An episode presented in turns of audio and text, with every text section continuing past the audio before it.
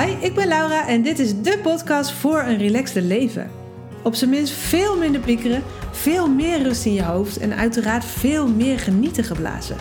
En ja, echt, het kan.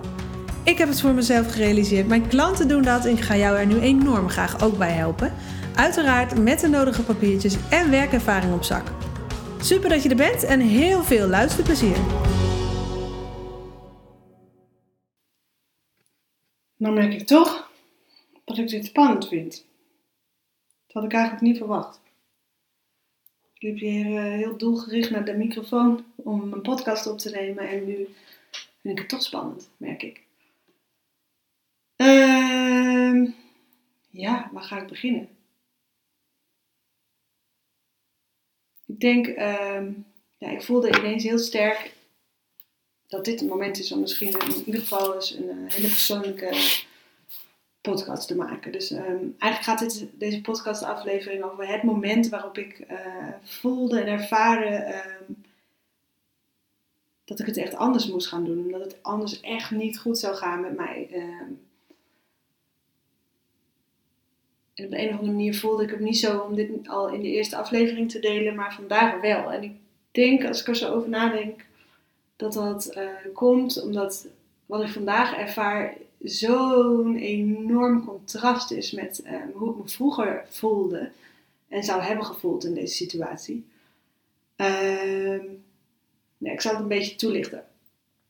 Ik zou vandaag eigenlijk de laatste dag hebben um, waarop ik echt heel veel werk nog zou kunnen verzetten of moest verzetten. Moest uh, tussen aanhalingstekens dan, maar uh, voor mijn bedrijf, voor mijn werk.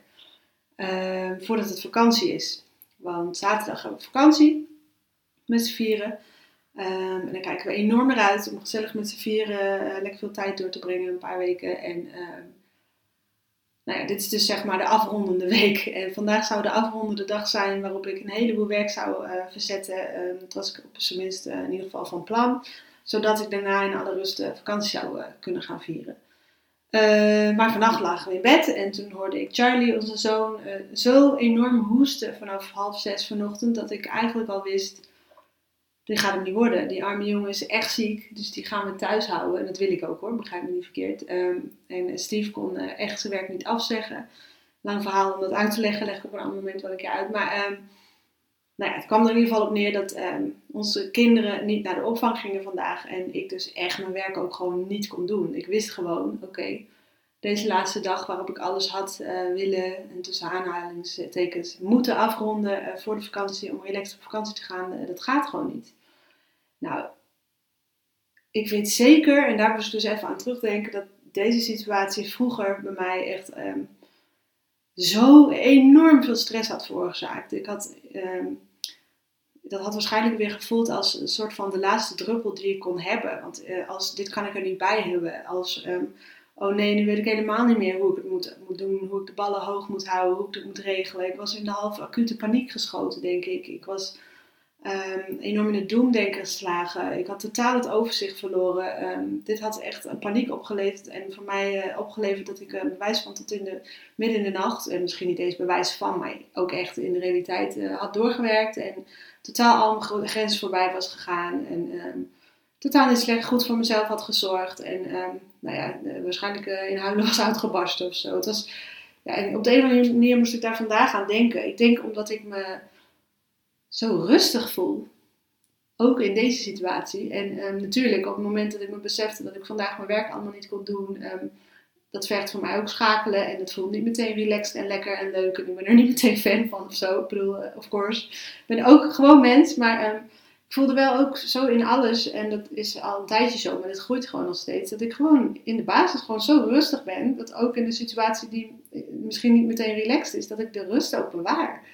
Um, een hele stevig gevoel van, ja, dit fix ik ook wel.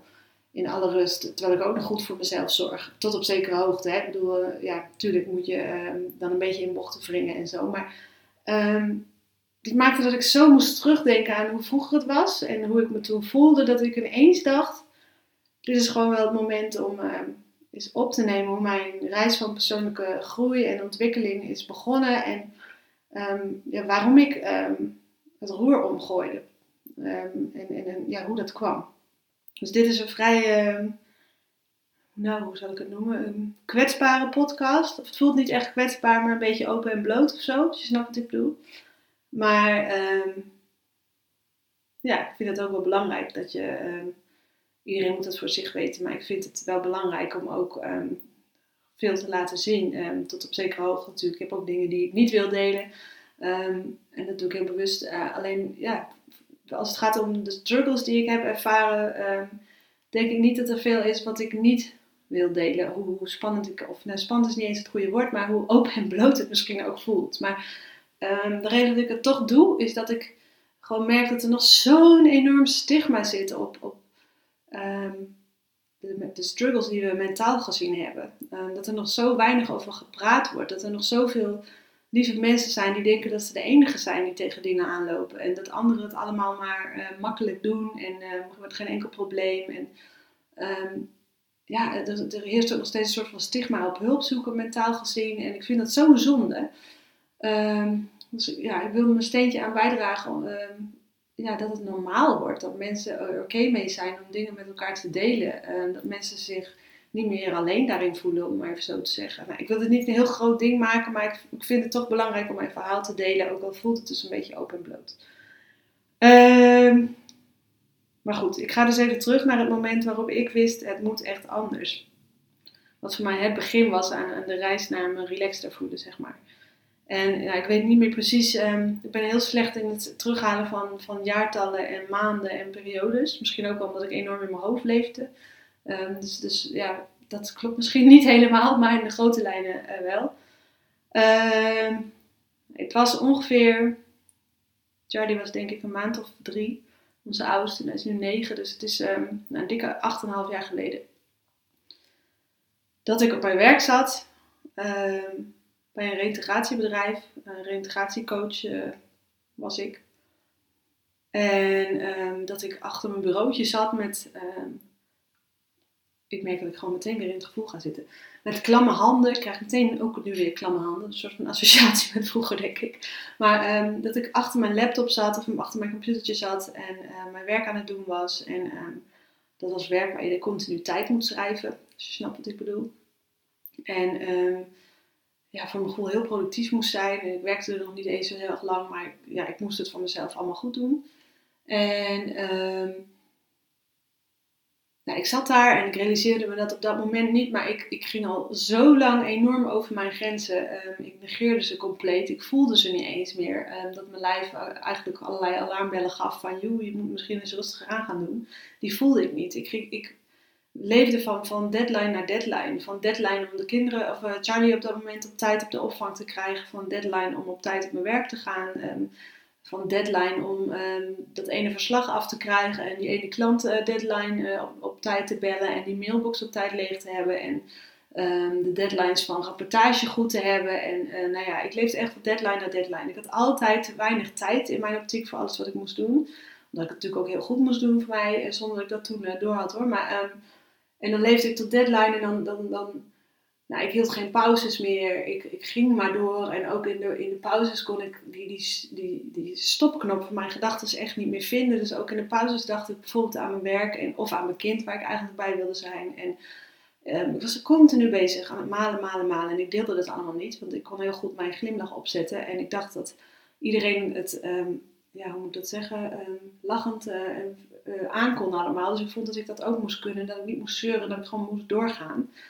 Um, zo zat ik daar op mijn werk, uh, totdat ik dan um, net soort van de eindstreep haalde en op tijd mijn computer dicht kon doen en uh, de deur uit moest rennen omdat ik de file in moest, omdat ik dan hopelijk net op tijd bij mijn kind zou zijn, om, of ons kind zou zijn, om hem op te halen van de opvang om weer verder te rennen. En dat ging al zo lang. Um, ook ver voordat ik die kleine had. Want zo heb ik mijn leven altijd ingericht. Door, door, door, door, door. Nooit pauze houden. Lichaamssignalen signeren, want het moet, uh, negeren, want het moet nog beter. En iedereen moet me aardig vinden. Ik moet aan verwachtingen voldoen. En ik wil niet dat ik teleurstel. En ik moet alles goed doen. Dus ik, was, ik stond altijd aan. En dan had ik ook nog een vrij druk hoofd. Um, ja, ga ik later wat meer over vertellen. Anders wordt het verhaal te druk en, en, en onoverzichtelijk. Maar um, dit, dit ging al heel lang zo door. Dus ik ik ging al heel lang, was, was de spanning aan het opbouwen. En ja, ik, zonder dat ik het door had, ging het eigenlijk helemaal mis. En op die dag gooide ik ehm, net op tijd mijn eh, computer dicht. ehm, terwijl ik in mijn ooghoek nog zag dat ik allerlei mailtjes open had staan. En, en eh, verslagen die, die allemaal in het rood stonden. Want die hadden al een deadline. Want zo werkten we. zodat je iedereen ehm, ja, soort van gemotiveerd wordt om lekker door te gaan en door te knallen. Dus ik rende dan weg met het gevoel dat ik helemaal niet meer het overzicht had. Dat ik overal achterliep. En het was in de, in de praktijk helemaal niet zo. Hè? Maar zo, zo voelde dat voor mij. Zo was het in mijn hoofd. Eh, ik gooide die, die, die computer dicht en ik, nou, ik was er heilig van overtuigd dat ik op allerlei vlakken fouten had gemaakt in de haast. Dat ik van alles was vergeten, dat de klanten niet tevreden waren, dat mijn nieuwe baas niet tevreden was. Dat ik, eh, ik liep echt ehm, achter de feiten aan in mijn hoofd. En, en, en nou, ik ben een soort van in mijn hoofd dan, ik weet niet of het zo echt zo feitelijk is geweest, maar een soort van naar beneden gerend. In mijn auto gaan zitten. Snel naar huis wilde ik, want eh, ik moest ehm, nou ja, die kleine op tijd halen en het was een filegevoelig traject, best wel een eind rijden. Dus ehm, ik pakte mijn auto, ehm, vond autorijden toen ook nog eng, maar eh, daar had ik me overheen gezet. Ook niet zeuren, gewoon lekker doorgaan. Inmiddels vind ik dat niet meer eng, maar goed, ook dat terzijde. Maar ik stapte in mijn autootje ehm, en ehm, ik reed eh, in Amsterdam-Noord was het ehm, die parkeerplaats af. En ik weet nog dat ik bijna eh, door de eh, slagbomen heen reed, omdat ik gewoon helemaal niet meer ehm, ja, het overzicht had. Ik, leefde een soort van in een koker, als je snapt wat ik bedoel. Een soort van in mijn tunnelvisie en door en door en door en door. En dat dan vervolgens niet delen dat je je zo voelt. In ieder geval, het ging net goed. Ik reed net niet die eh, slagboom stuk en schrok daarvan, maar ik ging toch door. En, en ja, ik ben gaan rijden en, en het was giga druk, want het was spits. En ehm, ja, ik weet nog dat ik moest huilen in de auto en dat ik ook niet meer kon stoppen. En dat ik in een enorme, ik denk een soort van paniekaanval terecht kwam. Terwijl ik dat helemaal niet, in herkende van mezelf. En ehm, dat ik ach- achter het stoplicht stond die, die groen werd. En ehm, dat ik gewoon niet per se precies meer wist wat ik moest. En dus hij werd weer oranje en hij werd weer rood. En ik had nog steeds niet, was nog steeds weer niet gaan rijden. En de auto's achter me begonnen te toeteren. Waardoor ik dacht, oh ja shit, ik zit op de weg. Sorry voor het woord. Dus ik ben naar huis gaan rijden en ik weet, ik weet niet precies hoe. Ik ben thuisgekomen. Ehm ja, Charlie is ook gewoon eh thuisgekomen en het is gelukkig gewoon allemaal goed ook gegaan hoor. En, ehm, maar ik weet dat ik ehm, helemaal kapot was toen ik thuis kwam. Dat ik alleen nog maar kan huilen. Ik kon huilen. Dat mijn partner zich ook echt suf schrok. Want die dacht, wat is dit? Ik kon alleen nog maar huilen. Ik wist niet meer, ik dacht echt, ik kan het gewoon niet. Ik kan al die ballen gewoon niet hoog houden. Ik kan niet en een goede moeder zijn en het goed doen op mijn werk. En een leuke partner zijn en blij zijn. En een lieve dochter zijn en een lieve vriendin zijn. Ik, ik, het enige wat ik wist is dat ik alleen nog maar kon huilen. En dat ik het hele overzicht kwijt was. En alleen maar dacht, ik kan dit niet. Ik kan het gewoon niet volhouden. Ik voelde aan alles dat, dat, dat ik dit niet kon. Dus ik ben op een gegeven moment, eh, Charlie lag op een gegeven moment in bed. Ik weet nog dat ik op de grond ben gaan zitten in zijn slaapkamertje tegen de muur. Eh, om naar hem te zitten kijken. Hij was toen drie maanden. En ehm, ook alleen maar zitten te janken. Charlie die sliep gewoon. Die was gelukkig van geen enkel kwaad bewust. Ehm, alleen, ehm, ik denk ook dat hij gewoon in de eerste drie maanden het gewoon goed heeft gehad hoor. Alleen, ehm, ja, voor mij kwam dit als, als donderslag bij donkere. Of noem je dat? Nee, snap wat ik bedoel. Ehm, dat ik ineens helemaal de klut kwijt was. Dat was natuurlijk niet zo. Maar ik had zo lang op mijn tijd, tandvlees gelopen. En zo lang bleef dat soort van goed gaan. Dat ik nooit dacht het gaat anders kunnen of het moet anders. Maar op dat moment, op, voor, voor mij als een donderslag bij heldere hemel, kon ik het acuut niet meer. Dus zat ik tegen dat muurtje in de slaapkamer van Charlie naar hem te kijken. En ik was zo verdrietig en zo wanhopig vooral. Want ik dacht, deze jongen is het allerbelangrijkste in mijn hele leven. Ehm, natuurlijk samen met de andere mensen die, die, mij, die ik lief heb. Maar nou ja, ehm, een kind is natuurlijk echt totaal eh, iets anders. Ik hij, hij was meteen, toen hij geboren werd, zo belangrijk voor me. Dat ik voelde in alles, ik ga die jongen beschermen en, en, en ik ga alles voor die jongen doen. En toen ik daar zat, wist ik gewoon, als ik zo doorga, kan ik nooit die moeder, relaxte moeder zijn die ik zijn wil voor hem op de langere termijn. Want ik ga gewoon omvallen als ik dat al niet heb gedaan op dat moment. Maar ik, ik kon niet meer.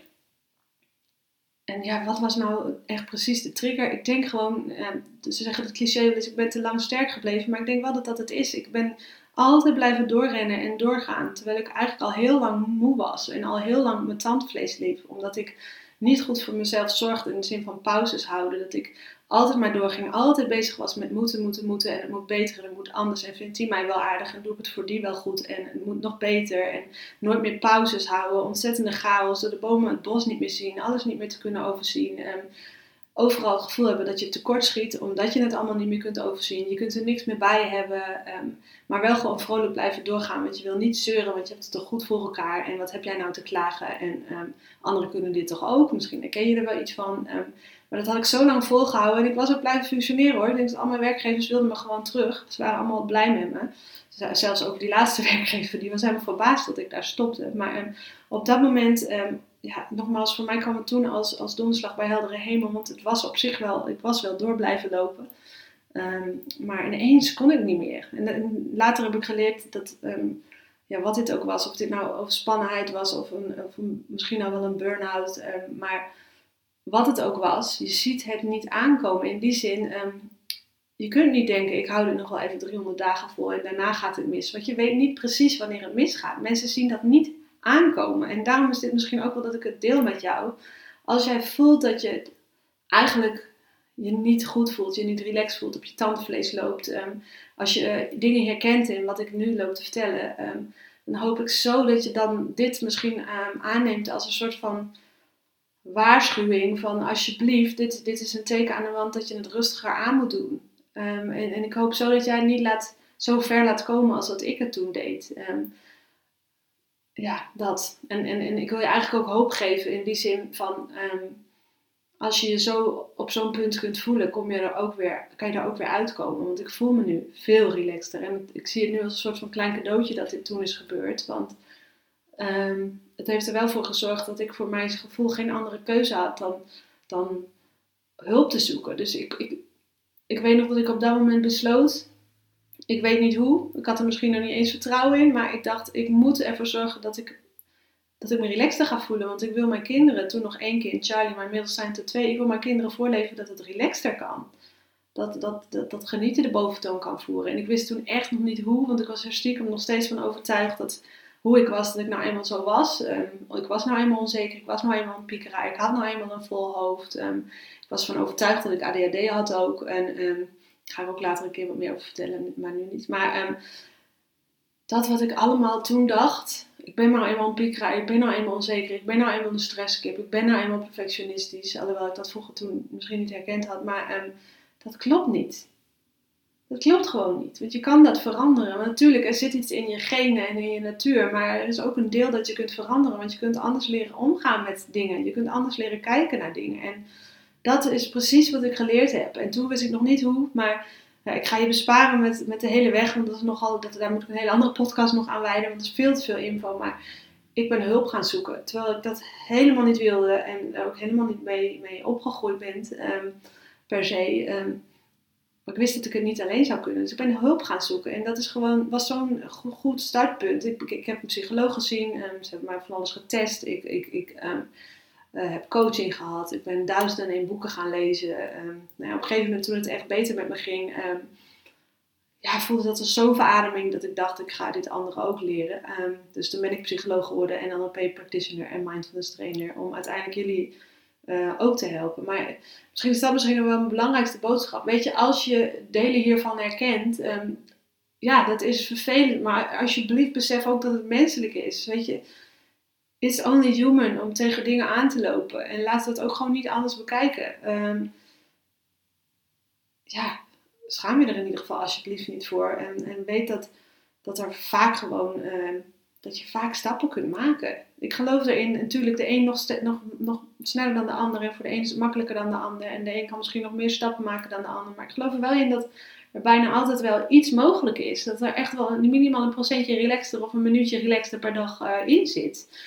Um, dus misschien is dat wel mijn boodschap. Alsjeblieft, um,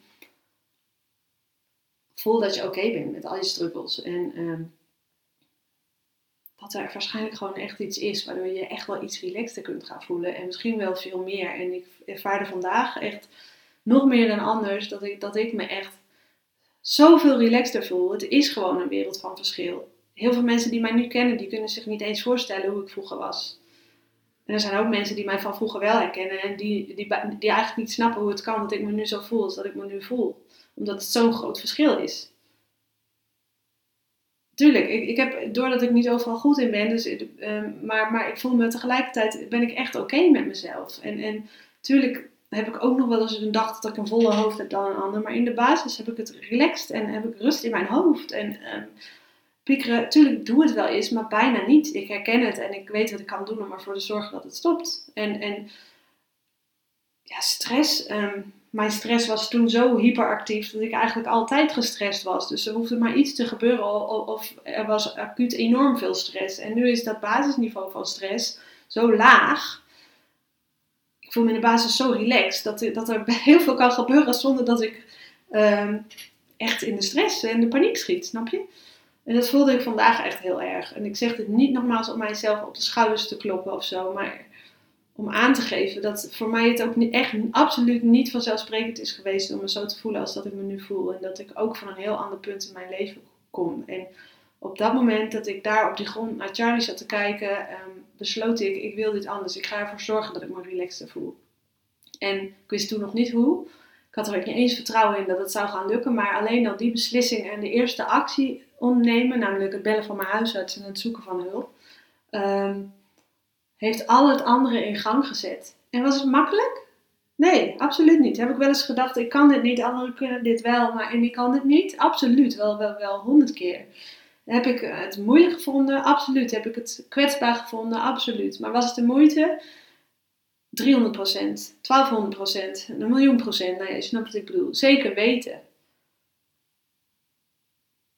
Zeker weten ik, zou, ik, dus, ik, ik had dat moment van, van, ja, hoe moet ik het noemen, uh, acute breakdown of zo, helemaal niet, niet per se uh, willen missen. Want ja, dat heeft ervoor gezorgd dat, dat ik voor mijn gevoel de urgentie voelde om het anders te gaan doen. En anders was misschien mijn hele leven zo doorgegaan. Dus eh, alsjeblieft wacht niet tot, tot jij op zo'n punt komt. En als jij nu voelt, ja, het gaat wel, ik red me wel. Um, of ik haal het wel het einde van de week, uh, zeg maar, op mijn werk. Of Um, als jij voelt dat er eigenlijk meer stress is dan je wil, dat je meer piekert dan je wil, dat de onzekerheid veel meer parten speelt dan je eigenlijk wilt, dan, dan wil ik je zo graag op je hart drukken. Doe daar iets mee.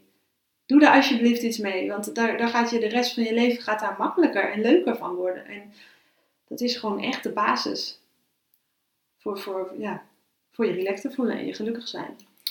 Ik hoop dat je er een touw aan vast kon knopen. uh, ja, op de een of andere manier voelt het toch goed om dit even te delen. En uh, nou ja, ik zou zeggen bedankt voor het luisteren. In de volgende uh, kom ik waarschijnlijk gewoon weer met praktische tips, maar ik moest dit gewoon eventjes uh, kwijt vandaag. Geniet van je dag en ehm, tot de volgende keer. Dat was het alweer. Wat te gek dat je luisterde. Ik hoop uiteraard dat je er echt wat aan gehad hebt of dat je je geïnspireerd voelt misschien wel. Als dat zo is, laat me dat alsjeblieft even weten, want dat vind ik echt, echt, echt heel leuk om te horen natuurlijk. Uh, dat kan bijvoorbeeld via Instagram door mij te taggen of en daar zou je me echt heel blij mee maken. Door even een review achter te laten in iTunes. Want als je dat doet, gaan steeds meer mensen deze podcast vinden. Mag ik nog meer mensen op weg helpen naar relaxed leven. En dat is waar ik het voor doe. Dus als je dat wil doen, dan maak je me er heel blij mee. Dankjewel alvast en tot de volgende keer.